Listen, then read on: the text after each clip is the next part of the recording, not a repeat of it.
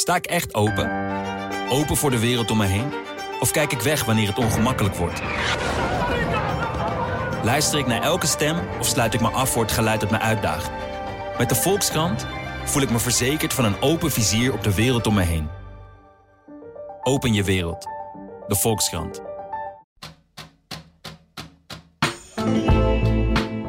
liquidatiepogingen, moord, doodslag en drugscriminaliteit. Ook in Twente gebeuren zaken die het daglicht niet kunnen verdragen. In de Tubantia Crime Podcast bespreek ik, Frank Bussink, samen met misdaadverslaggevers Erwin Waanders en Maarten Schoon de ontwikkelingen in de Twentse onderwereld.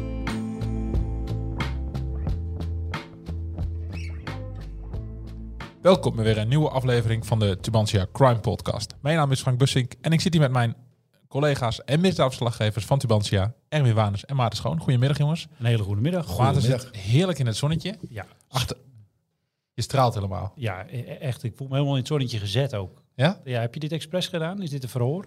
Eh, dan kan ik eh, nu niet, in het belang van het onderzoek, kan ik hier eh, geen antwoord op geven. Oké.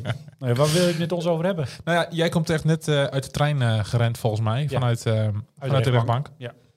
Want jij zat bij, bij een ja, best wel bijzonder, bijzondere zaak, maar het is niet echt crime natuurlijk, maar... eh, ik zat vandaag bij een groot verkeersongeval op de N36. mhm. Ehm, ja, dat is inderdaad geen misdaad. Dat kan iedereen gebeuren. Ja. En zeker op de N36. Eh, dat zei ook de officier en de rechter ook. Dat is echt een dode weg waar je echt je aandacht bij moet houden. En dat had deze verdachte niet gedaan. En die reed met zijn busje met de zwaar, te zwaar beladen aanhanger. Kwam je op de verkeerde weghelft terecht. Nou, op de N36 kun je de gevolgen enigszins uittekenen. Ja. Eh, vier auto's stoten los, elf gewonden. Waaronder een eh, gezin met drie kleine kinderen. Het was echt eh, een ravage. Afijn, eh, de Crime Podcast. De Crime Podcast, yes. Ehm, nou, laten we even beginnen met een, eh, een onderwerp dat we vorig jaar ook al hebben besproken. Ehm, het drugslab in, eh in Vroomshoop. Ja, dat klopt. Het was in Den Ham. Dat was in Den Ham. En de verdachte kwam uit Vromshoop. Kijk, dat, was, dat, dat is mijn Ja. vergissing. Ja. Maar Ja. de- daar is een uitspraak in geweest. Ja, dat klopt. Ja, eh, eigenlijk ja, op zich redelijk verrassend. Eh, Damien G. eh, ja, die is vrijgesproken van betrokkenheid bij het drugslab eh, dat is gevonden in Den Ham. Mhm. En waarom is dat enigszins verrassend? Nou, omdat hij toch eigenlijk wel iets uit te leggen had. Want in het drugslab werd, werd zijn vingerafdruk gevonden op een, een vloeistofpomp. Nou ja, die, ik wil niet veel zeggen, maar ik denk dat onze vingerafdrukken niet op een vloeistofpomp in een drugslab gevonden zullen worden. Nee. Maar als dat wel zo is, heb je wat uit te leggen. Maar goed, Mhm. de rechtbank ehm, is eigenlijk meegegaan in het verhaal van eh, de advocaat van Damien G., Jan Bart Kalk, eh, de bekende strafpleiter uit Enschede. Die heeft het gehad over secundaire overdracht. En dat wil zeggen dat er in die eh, ruimte waar ook de, ehm, eh, het drugslab zat, zeg maar, daar lag spul van hem. Dus een, een, een, een, wat huisraad, maar ook een, een matras. En hij heeft aange- aangegeven van ja, er kan gewoon sprake zijn van secundaire DNA-overdracht. Dat Mhm. de verdachten die wel bij het lab betrokken waren, dat die het DNA wat op de matras zat, hebben overgebracht op, eh, op in dit geval de vloeistofpomp. Ja, met Ja, andere maar- woorden, hij heeft er niks mee te maken. Nou ja, Ja, hij is er is, vrijgesproken. er is twijfel eh, over zijn betrokkenheid. En Ja. ja. ja, bij twijfel eh, niet inhalen, zeggen ze altijd. Dus dan zegt de rechtbank geen wettig en overtuigend bewijs. Dus dan gaan, in dit geval is die eh, vrijgesproken. Kan het OM er ook nog in hoger beroep? Zeker, daar hebben ze twee weken de tijd voor. Eh, Dus we gaan het eh, volgen of het eh, Openbaar Ministerie het hierbij laat of dat ze toch in hoger beroep gaan. Dan een andere drugzaak. Geen, eh, want in die drugslab in Den Ham werd eh, geen kook gemaakt of ge- Nee. geproduceerd. Nee, amfetamine. versneden amfetamine. Ja. Maar Mati, jij zat bij een van de grootste drugszaken van de regio misschien wel. Van de afgelopen jaren in ieder geval, Ja. denk ik. Denk ik ook. Ehm, de kooklijn vanuit Curaçao richting eh, Vlissingen en dan weer door naar, eh, naar Twente. Ja, Ehm, ja. en, de achterhoek, eens. en de Achterhoek. En de Achterhoek. En de sorry. Achterhoek, ja. ja. Of het voor de Achterhoekse afzetmarkt was, dat weet ik niet. Eh, maar daar was wel, in de Achterhoek was wel de plek ehm, waar ze de cocaïne uit het kalken zandsteen bikten. Want Mhm. dat was de deklading. Ja. Eh, het kwam uit Zuid-Amerika. Ging eh, in containers met kalkzandsteen vanuit Curaçao naar Vlissingen. En dan ging het met de vrachtwagen ja, naar een loods in Zeelvolde. Dat is in de Achterhoek. Mhm. En eh, nou ja, maandag was, nee, dinsdag was dus de eerste dag van eh, zes zittingsdagen tegen de, nou ja, de criminele bende. Althans, de mannen waarvan het OM eh, zegt, jullie zijn een criminele bende en jullie hebben die cocaïne in Nederland binnengehaald. Hoe is die zaak aan het rollen gekomen? Ja, dat is een goede vraag. Ehm, dat was een van de hoofdverdachten. Dat is een Hengeloer. Eh, die was ook verdacht in een ander onderzoek naar eh, de moordaanslag op Enschedeze advocaat Philippe School. In dat onderzoek is hij opgepakt. En toen vonden ze informatie dat leidde naar dit adres in Silvolde. Dat is in het buitengebied. er, er staat een loods met een groot hek eromheen. En die man die handelt in auto's en in grote plastic containers. Ehm, dat zijn ze in de gaten gaan houden. Ze zijn al die mensen die eromheen zitten in de gaten gaan houden. En die zijn ze af gaan luisteren. Ze hebben camera's opgehangen bij die loods in Silvolde. En die beelden werden ook vertoond in de zittingszaal. Ja, en wa- wat zag je op die beelden? Ehm, daar zag je dus dat een van die vrachtwagens, was gewoon een eh, grote blauwe vrachtwagen met oplegger. Eh, er zat een grote rode zeecontainer op. Die kiepte gewoon achterloos eh, de inhoud eruit. En er kwam een hele berg eh, witte stenen kwam Mhm. eruit vandaan. Ehm, de eigenaar van die loods, die was erbij aanwezig. De vrachtwagen rijdt weg en die eigenaar van die loods, die pakt heel snel tien eh, typische soorten stenen uit die grote berg en eh, verstopt ze dan. Nou, later komen er, komen twee mannen bij. Dat zouden dan de uh, zogenoemde bikkers of uithalers zijn. Die gaan dan echt aan het werk. Ehm, en die halen dan die andere stenen eruit. In die gooien ze in een kruiwagen en worden dan in de loods worden ze opengeslagen. En daar zitten dan in plastic verpakte pakketjes cocaïne in. In totaal gaat het, is, eh, was die lading 73 kilo. Mhm. En een paar dagen daarna heeft de politie in Vlissingen nog twee containers onderschept. Want die waren toen nog op zee onderweg. En daar zat 130 kilo in, plus je minus. Ja. Maar goed, wat ze dus deden, dat, dat filmpje was in die zin heel bijzonder. Het was net alsof je naar een misdaadserie zat te kijken. Dat werd dan versneden met een ander beeld, kwam er opeens in. Van ondertussen, ja, dat werd dan nog net niet gezegd. maar dan zag je opeens een beeld van een pand aan de Slachthuisweg hier in Hengelo. Daar was op 30 juni vorig jaar ook een inval. Want dat is eh, de- wanneer dit allemaal speelde. En daar zat dus de Hengeloze hoofdverdachte. En die zat ondertussen te bellen met eh, van, nou ja, is het allemaal aangekomen? Is het goed? Et cetera, et cetera. Dat gaat allemaal in versluierde taal. Dat, dat, dat is, we hebben het over Kaptan C. We hebben het over kapitein. Ja, laten we het even duidelijk hebben. Ja. Er zijn meerdere Hengeloze verdachten, maar eh, Ja. dit is wel een eh, belangrijke naam, denk ik, die nog vaker gaat. Dus die eh, werd afgeluisterd ja. en die werd daar al in de gaten gehouden. Ehm een van de handlangers die rijdt dus dan naar eh, de loods in Silvolde toe. Eh, die controleert het. Die kijkt, nou, wat, zit er allemaal in? Oké, en dat hebben ze allemaal in grote groene big shoppers gedaan van een supermarktketen. Eh, die jongen maakt er foto's van, stuurt het naar kapitein C, die zijn baas zou zijn volgens het OM. Ehm, en gaat ook weer weg naar Hengelo. Nou, de uithalers, die komen ook uit Hengelo. Die eh, gooien de boodschappentas achter in een auto. Nou, die worden dan later opgepakt op die 30 juni. En kapitein C wordt met zijn handlanger gearresteerd in het eh, restaurant van zijn zus in Hengelo. Nou, ja, dat is een beetje, dat, en dat was allemaal in beeld gebracht. Want ze hadden ook Mhm. in die pizzeria hingen camera's. Nou ja, er hingen overal camera's. Hadden ze ook camera's in de loods dan, of niet? Ja. Ja? Ja. Dus je kon echt gewoon zien hoe die, eh nou, ze- je noemt het uithalers, maar uitsnijders, hoe ze ook noemen, uitbikkers, Eh, ja, hoe die echt te werk gingen. Ja. En, eh, Ja, dus je, je hebt echt, echt een mooie inkijkje gekregen in hoe zeg maar, de recherche eh, ja, werkt. te werk gaat eh, Ja. bij, bij dit soort onderzoeken. Maar ook hoe zij te werk gaan. Want je ziet dus die ene Hengeloer, die, die staat er met zo'n grote hamer op zo'n steen te mappen. En dan valt het uit elkaar. En dan zie je hem zo kijken. Want ze hadden ook, die twee uithalers hadden ook al- allebei een eigen tasje mee. Hè, eten en drinken, want het was hoogzomer. Dus ze lopen ook in een korte broek eh, daar eh, te zweten, zeg maar. Zie je een beetje kijken. Nou, doet twee pakketjes in zijn tas, legt zijn tas weer apart. Zie je later op dat filmpje, komt hij weer terug. Toch weer terug naar zijn tas. Haalt die twee pakketjes er weer uit, legt het weer op de hoop eh, zoals het hoort, zeg maar. mhm. Dus dan, eh, maar even later zie je hem wel een pakketje zo achter in zijn broek, broekzak doen. En dan, eh, nou ja, hup, in de auto en dan eh, gaan ze rijden. Ja. Dat, eh, Is het bekend of, dit, of deze lijn langer liep dan... ja, Ja. ze gaan, alle verdachten, het zijn zeven verdachten. Ehm, volgens mij kraakt deze stoel een beetje. Ja, dat- een klein beetje. Ik hoop dat de luisteraar dat niet hoort. En ik ben nogal een bewegelijke verteller. Ehm, alle zeven verdachten, bijna alle zeven verdachten houden hun mond. Behalve de achterhoeker van wie de loods is. Die heeft wat eh, willen vertellen. Het komt erop neer dat hij ongeveer zoveel vertelt als wat er op film staat. Ja. Eh, maar volgens hem eh, zijn er zes transporten geweest. Het OM legde hen, dus de hele groepering, in ieder geval te lasten dat ze... dus in ieder geval de laatste zending, die staat op de telastenlegging. Maar het OM vermoedt dat er nog andere zendingen zijn geweest. En dat er mhm.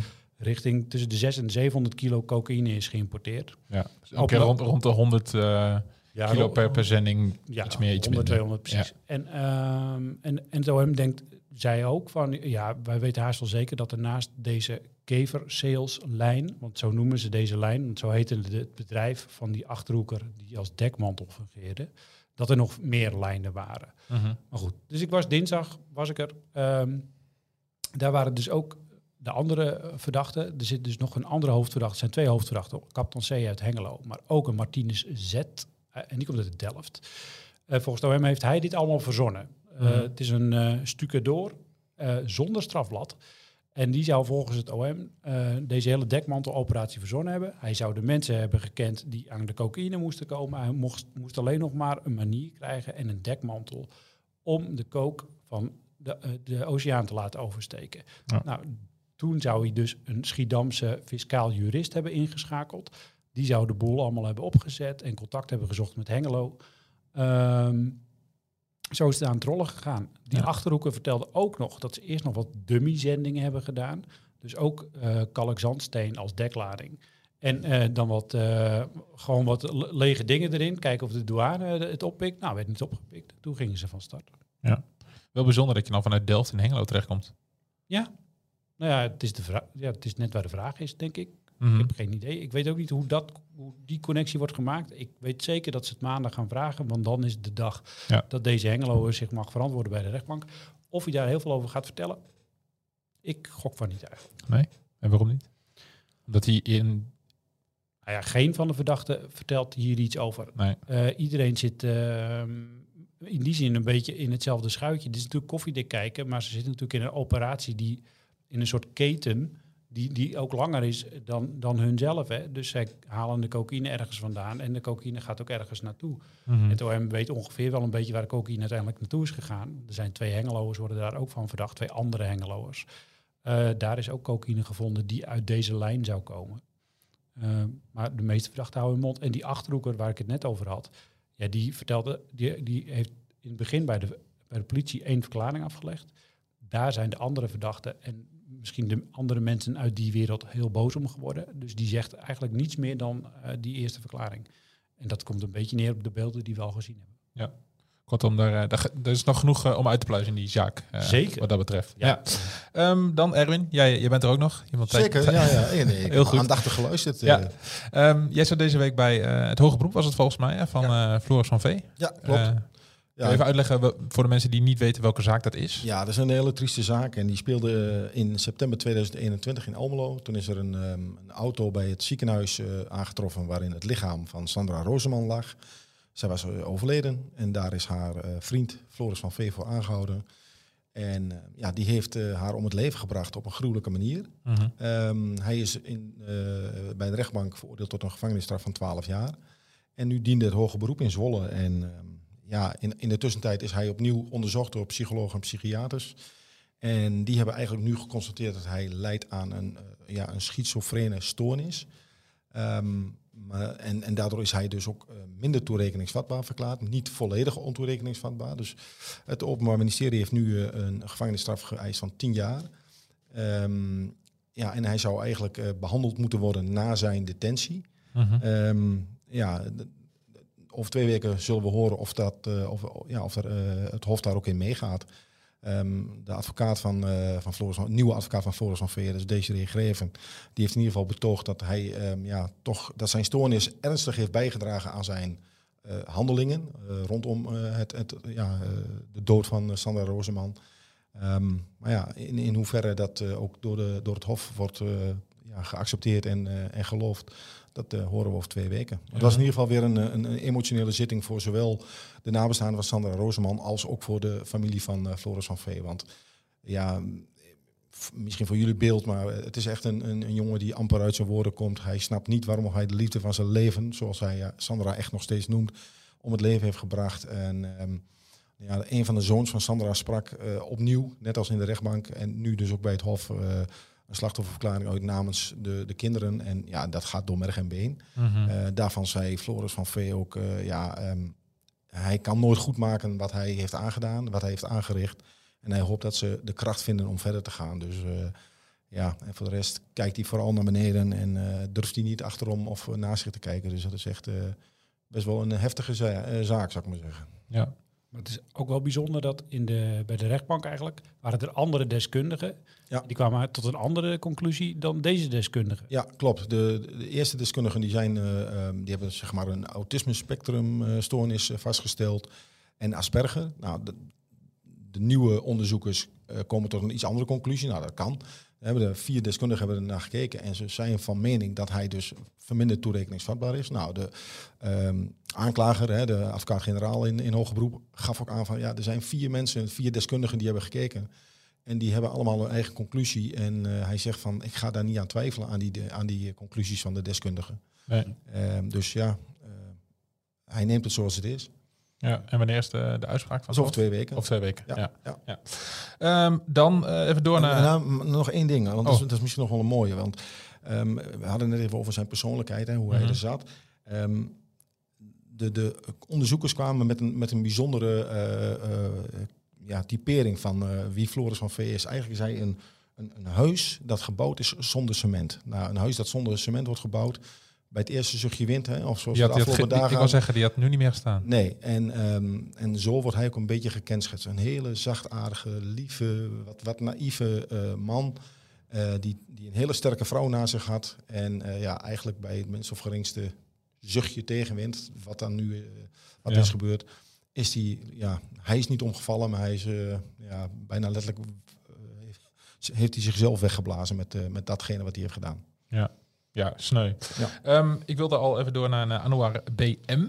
Eh, Ja. die, die heeft het lont in het Twentse onderwereld, eh, het, het, kruidvat dat de Twentse onderwereld heet, eh, gestoken. Ja, dat, dat zo, zegt zo het- typeerde jij hem net. Ja, nou dat zegt het OM. Hè. Ik bedoel, eh, laten we voorzichtig zijn. Oh. We gaan even terug, want het is eh, 22 december 2016. Dat is een, een markante datum in de, in de Twentse misdaadhistorie.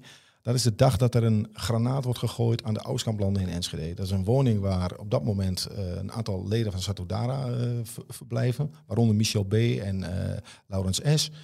Ehm, er raakt niemand gewond en dat is al een godswonder. Mhm. Lange tijd weet de politie, heeft geen idee wat daar speelt. Nou, in de jaren daarna zijn er talloze aanslagen in, in, eh, in Twente, in Enschede, in Almelo. Er wordt op huizen geschoten, er wordt op clubs geschoten. Er worden huizen in brand gestoken, er wordt een kapper in brand gestoken. Dat, is allemaal een, een, een, eh, dat hangt allemaal rondom Michel B., eh, rondom Simo D., de, de zelfbenoemde Twentse Godfather heen. En eigenlijk pas in 2020 komt er een DNA-match rondom de aanslag met de handgranaat.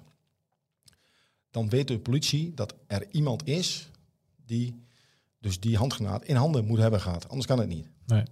Alleen, het probleem is, meneer is gevlogen. Meneer is nergens te vinden. Dat, dat is dus die Anouar Bel M. Die komt ook voor in het, in het grote onderzoek rondom eh, Simo D. en, en Michel B. Eh, Beken, we- bekende naam dus. Bekende namen, betreft. ja. ja. Ehm, het toeval wil dat hij, dus hij bleek dus in, eh, in Limburg te zijn, maar hij wordt in België aangehouden samen met een vriend. Zijn vriend wordt staande gehouden door de politie en die vriend heeft 20 gram harddrugs bij zich. Of het heroïne, cocaïne is, dat weten we niet, maar in ieder geval 20 gram harddrugs. En dan zou je zeggen, wat is het, is het bijzonder hè? We hadden het net over 700 kilo, dus eh, ik bedoel, wat is 20 gram? Schijntje. Een schijntje. Maar toch, ze worden allebei aangehouden. Dus die vriend en die Anouar worden aangehouden door de Belgische politie. En als de Belgische politie hem door het systeem trekt, blijkt dat hij dus gesignaleerd staat.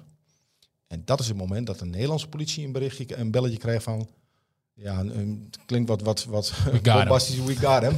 Maar eh, We hebben iemand voor u. ja, we hebben iemand die, eh, die jullie heel graag willen hebben. Dus Ja. eh, hij is, vervolgens is hij overgeleverd naar Nederland, zoals het zo mooi heet. En eigenlijk dus nu, eh, zeven, ja, bij, ja, ruim zeven jaar later, eh, komt hij voor de rechter en moet hij zich verantwoorden voor, het mogelijk, voor zijn mogelijke betrokkenheid bij het gooien van die eh, handgranaat. Ja, en heeft hij al verklaard of niet? Nou, hij, Wat in de, eh, wat verteld? hij, ehm, we hebben het net over verklaring gehad. Hij ehm, begeeft zich natuurlijk in een bepaald milieu waarin praten met de politie eh, niet wordt gewaardeerd. Nee. En dan zeg ik denk ik heel, heel netjes. Ehm, hij heeft heel, heel, ja, heel klein verklaard eh, dat hij er niks mee te maken heeft. En dat hij ooit een keer bij een vriend thuis, voor wie hij wat eh, een, een woonruimte zou regelen, dat hij daar een, een granaat in handen heeft gehad, een wapen in handen heeft gehad en vuurwerk heeft zien liggen. Maar dat hij zelf helemaal niets, maar ook niets met de aanslag te maken heeft. Nee. Nou moet ik eerlijk zeggen dat het Openbaar Ministerie beschikt over een, een wagonlading aan verklaringen van een, eh, een Braziliaanse sleutelgetuige, geen kroongetuige. En ehm, die is ook in, in, in het proces rondom ehm Simo D. en Marcus T. al eh, naar voren gekomen. Ja, die heeft verklaard van, ja, wacht even, dit is de man die jullie moeten hebben. Mhm, ja. Dat- zonder die meneer had het OM eh, een aantal zaken niet eh, rondgekregen, denk ik. Nee, en, en de vraag is nog, nog steeds of ze het allemaal rondkrijgen. Want eh, er is nog eigenlijk weinig onherroepelijk in, in, in al die zaken. Eh, er lopen nog wat hoge beroepen. En, eh, maar goed, deze Braziliaanse sleutelgetuige die heeft eh, vrijuit verklaard. Eh, en, en ja, hij wordt natuurlijk door zijn voormalige criminele companen wel gezien als een, eh, een snitch, hè, een Judas. Ja. Eh, en die zijn eigen rol eh, ehm, ja, wat, wat kleiner heeft gemaakt. Maar dat heeft allemaal te maken met, met die wereld. Ja. Ja. Heeft hij eigenlijk ook al een keer verklaard tegen eh Satudara eigenlijk? Want hij heeft nu verklaard tegen Simo D. en eh, Marcus T. en nu tegen Anouar Belhem. Dat zit als je kijkt, eh, in oorlogstermen kijkt, nou ja, of in het voetbal eh, houdt, dan heeft hij altijd tegen Ajax verklaard en nooit over Feyenoord. Ja, ja. Ja, Mooie vergelijking. Ja, het is niet helemaal duidelijk. Hij heeft eh, een bepaalde kant gekozen. En dat was niet de kant van, van Simo D. en Marcus T. Dus je zou zeggen, hij was meer in het kamp van eh, Satudara. Ehm, hoewel ook binnen eh, Satudara daar wel op een bepaalde manier naar gekeken wordt. Oh ja. Dat heeft weer te maken met een groot cocaïneonderzoek. Daar gaan we nu eh, niet over praten. Maar in ieder geval, daar komt hij ook weer naar voren eh, als, als een getuige. Ja, en het Openbaar Ministerie ziet hem gewoon als een, betrouwbare getuige. elke keer weer. En hij verklaart consistent. Natuurlijk, in de loop der jaren vervagen wel eens wat herinneringen. Maar over het algemeen zijn zijn verklaringen onderbouwd. Ook door, door steunbewijs. Dus, althans, dat zegt het OM. Ja. Ja. En wanneer gaat deze zaak... eh, Ja, die, die, dit was nog een proforma zitting. En Oh, eh, die ja. gaat, eh, hij blijft vastzitten. Dus er was een verzoek tot opheffen en dan wel schorsing van de, van de voorlopige hechtenis.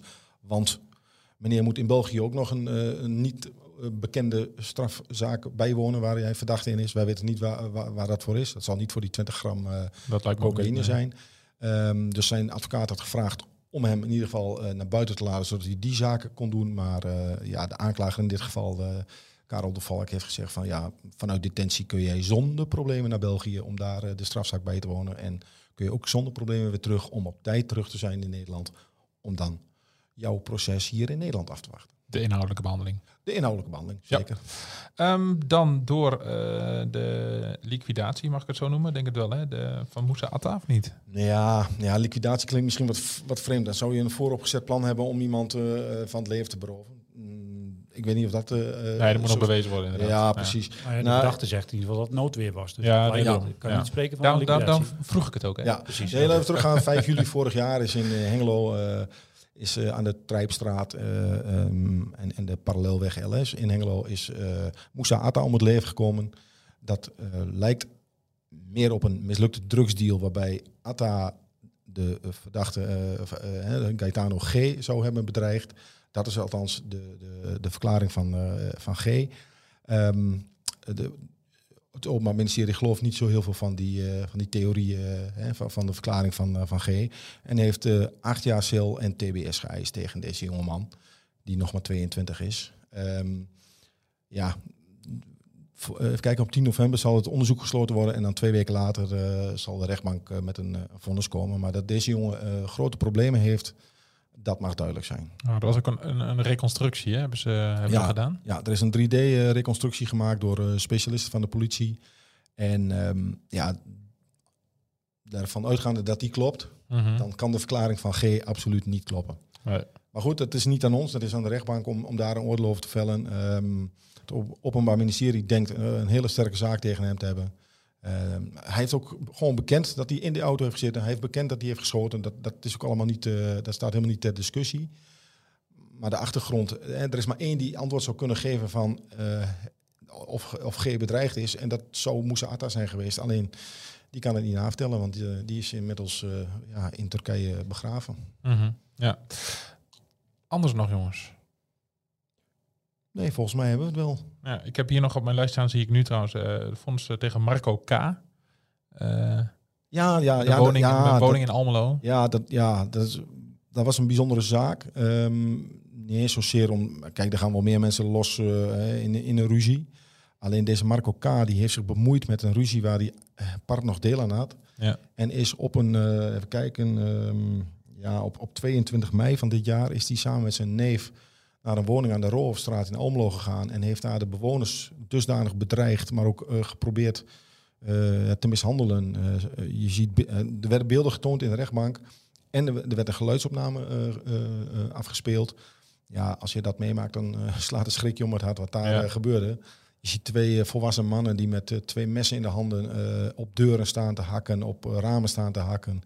Het woord kanker vliegt 150 keer voorbij in, in twee minuten tijd. En ja, voorbijgangers of buren daar, eh, die, hebben ze, die hebben echt eh, gedacht van wat is dit? Nou, ja, de, de bewoners van het huis, waar vier kinderen lagen te slapen, die waren natuurlijk ook doodsbang. Die hadden een conflict met een neef. Naar aanleiding van een... ehm, Ja, dat moet je even vertellen. Ja, dan, nou dan ja, zou ja, de, aanleiding, de aanleiding is echt bizar. Ehm, de- die neef die heeft een, eh, een, een garage en die heeft voor die mensen een, eh, een, een, een reparatie uitgevoerd aan hun auto. En blijkbaar is daarbij de katalysator eh, verdwenen. Dus zij waren niet tevreden over de service van de garage en hebben Mhm. dat eh, publiek gemaakt op eh, Facebook. En in een we- anderhalve week tijd zijn daar over en weer zoveel dreigementen, zoveel eh, gedoe richting elkaar gegaan. Waarbij ook die, die Marco K. dus in beeld kwam. Die is ook betrokken in, in, in die ruzie, terwijl hij er eigenlijk part nog deel aan had. Ja. En ja, op, op een bepaalde avond is hij bij zijn neef en ze besluiten samen naar die woning te gaan. Ja. En hij zit inmiddels al een tijdje vast. Nou ja, eh, hij is eh, ehm, ja, eh, veroordeeld tot 18 maanden cel. Gewoon kaal. Mhm. Eigenlijk zou hij moeten worden behandeld voor zijn agressieproblematiek, zegt zowel het Openbaar Ministerie als de rechtbank. Maar hij weigert gewoon overal aan mee te werken. Hij is al vaker veroordeeld voor geweldsdelicten. Ehm, dus ja, de reclassering ziet er geen hel meer in. En dus zegt de rechtbank nu van, ja meneer K, gaat u maar gewoon anderhalf jaar naar binnen. En dan hopen we wel dat het, dat het dan goed gaat. Maar Ja. Ja. de, de praktijk wijst vaak eh, anders uit. Dit allemaal om een Facebook berichtje. Een Facebook bericht en een katalysator. En waarschijnlijk gaat het om een, een bedrag van, nou wat zal het zijn, 110 euro. Ik, eh, ik heb geen verstand van auto's, maar ik, Ik ook geloof, niet, maar, geloof, ik geloof je nee, maar goed, dat, dat zijn, dat zijn, kijk, een, een kapotte katalysator, ik weet niet wat het kost. eh, Nee. Misschien dat iemand ons dat kan vertellen, maar het, het gaat nergens over. Kijk, eh, het, het, het geweld wat je zag op de beelden en de geluiden die je hoorde, wetende dat daar vier kleine kinderen liggen te slapen en, en voor wie echt ehm, ja, de, die avond de hel losbarstte. Eh. Die hebben nu slaapproblemen, durven niet meer in het donker alleen te zijn. Ja, dat heeft zoveel impact. En, en dat beseft hij ook. Hè. Hij, hij geeft ook aan dat hij daar absoluut spijt van heeft. Alleen ja, spijt komt naar de zonde. Hè. Dus, eh, dus dat is zo jammer. Ja. Zullen we het hierbij laten, jongens? Laten we doen. Spreken de we volgende elkaar eh, snel weer. Zeker. Vond je deze aflevering nou leuk? Abonneer je dan op de podcast. En heb je tips of vragen naar aanleiding van deze aflevering? Check dan het mailadres in de beschrijving. Bedankt voor het luisteren en tot de volgende keer.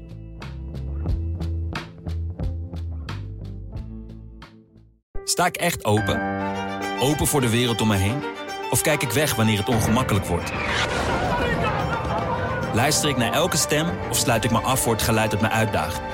Met de Volkskrant voel ik me verzekerd van een open vizier op de wereld om me heen. Open je wereld. De Volkskrant.